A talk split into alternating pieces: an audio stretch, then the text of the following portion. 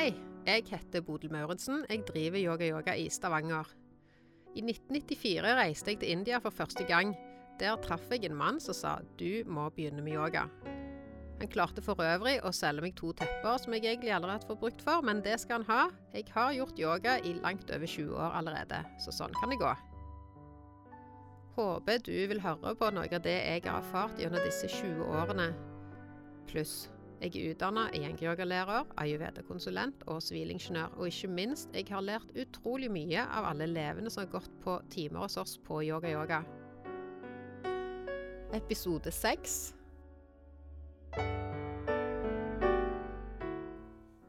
Erfaringer etter to år med kurs hos oss. Her skal vi forklare hva erfaringer vi har som yogalærere med å undervise kurs de to siste årene.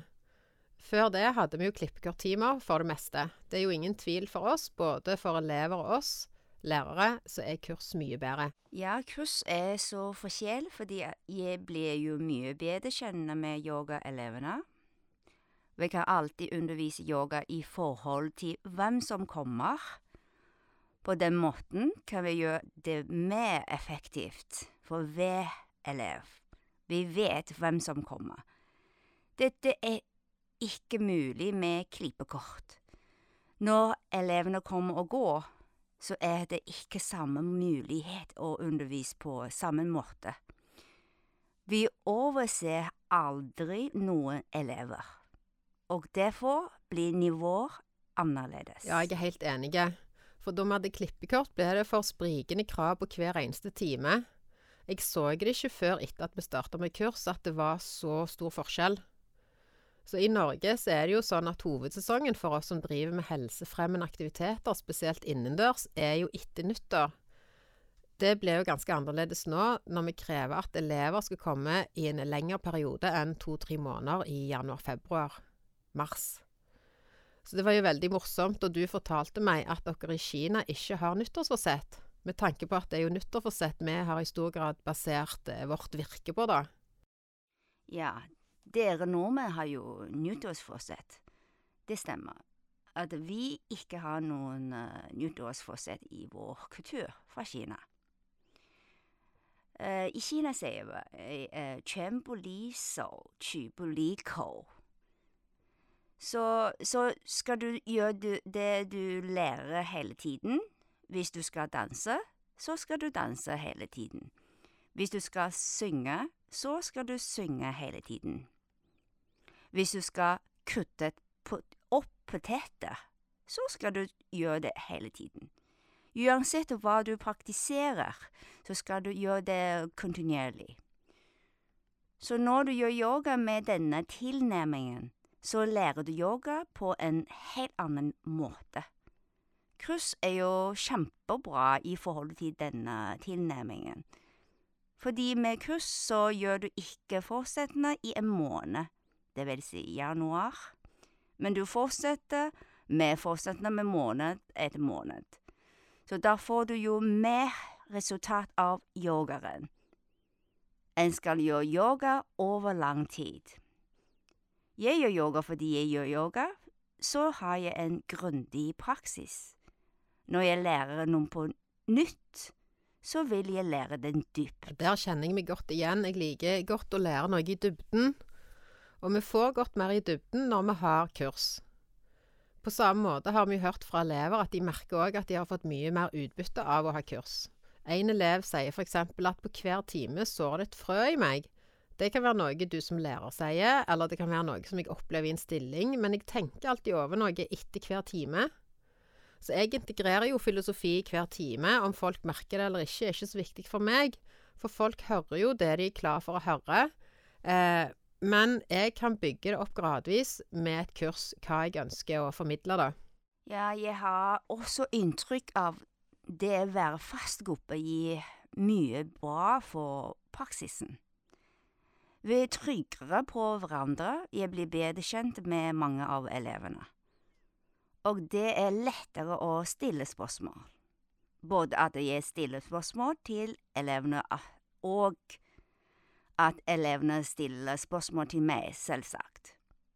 Det er bedre dynamikk mellom lærere og elev. Jeg lærer av dem, de lærer av oss. Når jeg kjenner elevene bedre, blir det jo oftere bedre spørsmål og diskusjoner. Vi bygger opp et større tillitsforhold. Nemlig. Det er jo tillitsforholdet vi jobber med.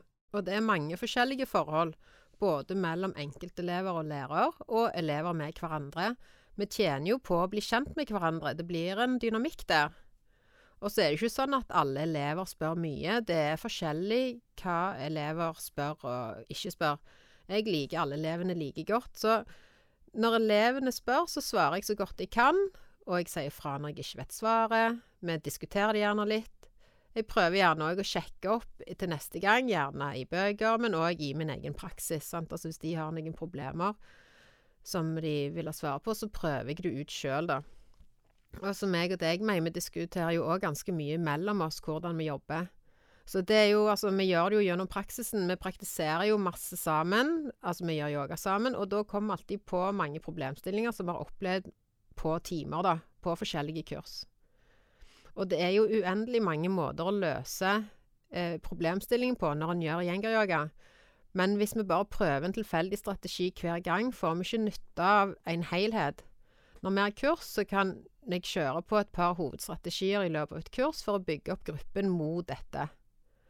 Det kan gjerne høres litt komplisert ut, men det er jo ikke det. Jeg har jo tross alt mer enn 20 års erfaring med undervisning, så det er veldig kjekt å bruke dette som strategi.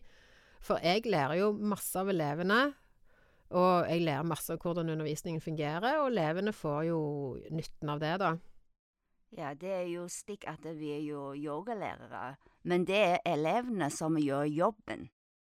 Ja, det er jo det, og jeg har så utrolig respekt for gjengeryogasystemet. BKS Gjengeren studerte elevene sine i over 80 år, og det har jo blant annet resultert i en utdannelse som med skyhøye krav til å bestå denne ene eksamen etter den andre for oss lærere. Men å ha denne kunnskapen gjør jo at vi får innsikt i hvor mer genialt den undervisningsmetodikken er. Jeg forstår det jo ikke engang sjøl, men jeg følger det, og så ser jeg jo resultater som er mye bedre enn hva jeg sjøl på en måte ville. Jeg er ikke så bundet opp i hva som Vi ser hva som skjer, men ofte det, skjer det mer enn det jeg ville trodd, da. Og det er jo akkurat det som er poenget. Det er jo elevene som gjør jobben. Vi veileder jo bare. Men vi veileder jo i forhold til hva kroppen og hodene til elevene kan ta inn. Så det er jo eleven som gjør jobben, og det er der det, de store resultatene er. Nemlig. I kinesisk medisin sier en legen er ikke Gud. Ingen er Gud. Beste læreren er å se seg selv. Yogalæreren hjelper deg med å løfte deg opp. Lære deg hvordan du selv kjenner kroppen. Og du kan praktisere selv Yogaen hjelper oss til å fikse oss selv. Ja, og det gjør jo at eleven kan gjøre yogaen på forskjellige måter. Vi ønsker jo at, yoga, eh, at yogaen skal bli gjort hjemme, at folk gjør yoga hjemme. Vi krever det jo ikke, selvfølgelig, men vi vet jo hvor bra det er for oss å ta eget ansvar for yogapraksisen. Så er det jo forskjellig hvor langt folk vil gå med yogaen. Det er jo sånn at det, det, er akkurat sånn det skal være. Det er jo ikke noe vi har med, faktisk, ifølge tekstene i filosofien. Så det er karmaen som gjelder. Du gjør så mye som du skal gjøre. Noen gjør yoga for ryggsmerter, andre gjør yoga for å se seg sjøl og lære om seg sjøl. Eh, vi har òg hatt mange elever som har gått på ett kurs og praktiserer videre hjemme. Det er kjempebra, det òg. Noen ganger dukker de opp igjen på et kurs for å friske opp kunnskapen og gå videre fra der de har kommet, kommet i hjemmepraksisen sin. Men det som er tydelig i all filosofi, er jo dette her. Om du skal komme videre enn bare bitte litt, så må du gjøre konsistent praksis over tid. Samme som du sa var kinesisk tradisjon. Ja, jeg er helt enig. Vi må gjøre yoga regelmessig over tid. Vi kan ikke bare gjøre den stillingene som gjør oss glad. De stillingene som er vondt vonde gjør at det vonde kommer bort. Og vi får det vonde bort. Det ønsker vi jo, men vi må gjøre jobben. Jeg syns yoga hjelper meg til å reflektere i stillingene.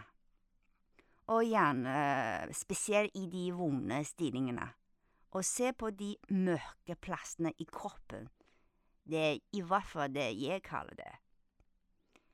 I vestlig kultur så opplever jeg at folk er veldig avhengig av å få ros. Så mange går nok på yoga for bare det behagelige. Og vi vil kanskje ha ros oss òg. Ja, ros det er jo ikke det de får så mye på yogaen hos oss. De får jo selvsagt ros, men ikke hele tiden. For poenget er jo at når vi er elever, så skal vi bli uavhengige av omgivelsene. Vi skal trene opp psyken vår, vi skal komme på yoga og gjøre yoga for våre intensjoner og for oss sjøl, ikke for å bli sett og forvente skryt av læreren. Det høres kanskje litt brutalt ut, men det er det ikke. Det er faktisk veldig behagelig å gå på yoga og gjøre det for seg sjøl, og ikke føle at vi oppnår noe for andre enn seg sjøl.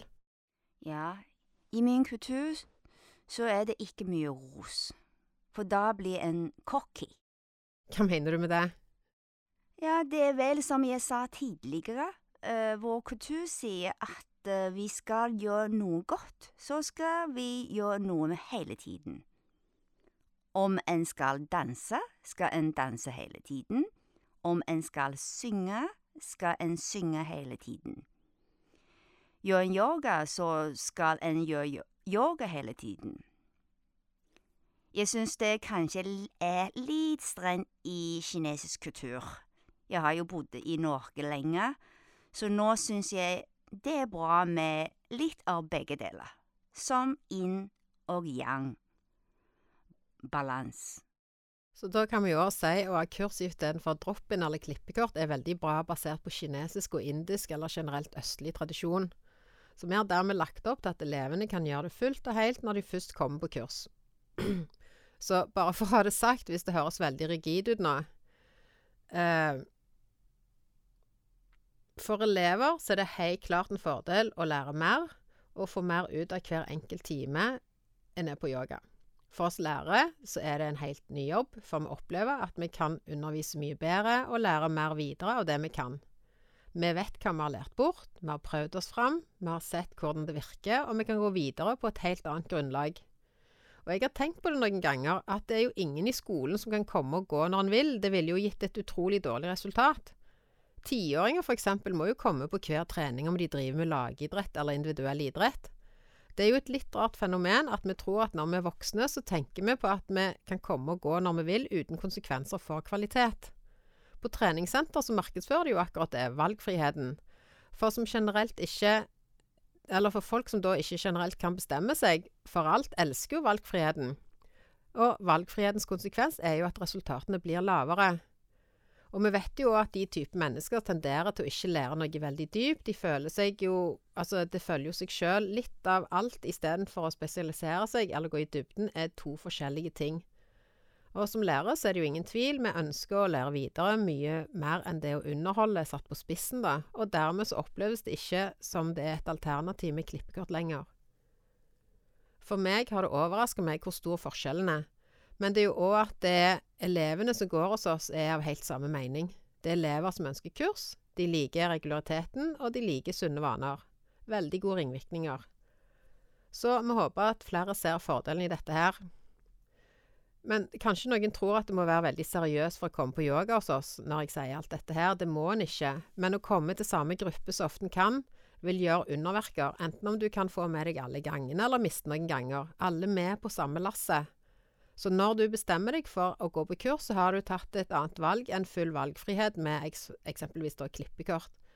Det betyr ikke at du må komme hver gang, men når samme gruppe følger samme forløp over tid, så blir det mye bedre resultat, og for de som ikke får med seg hver gang. Så det en må gjøre, er jo da ta beslutningen å melde seg på kurs, komme på tiden, følge det som blir vist og sagt, spørre når en lurer, og det er egentlig det hele. Så kommer effekten. Den kommer jo da ikke om en sitter hjemme, selvfølgelig. Vi ser deg, vi følger deg opp, vi sier at elevene er vår beste lærere, for vi lærer jo masse av elevene. Ja, vi følger opp uh, ved elev.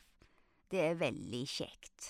Vi har et veldig avslappet miljø. Veldig hyggelig stemning på timer, og før og etter.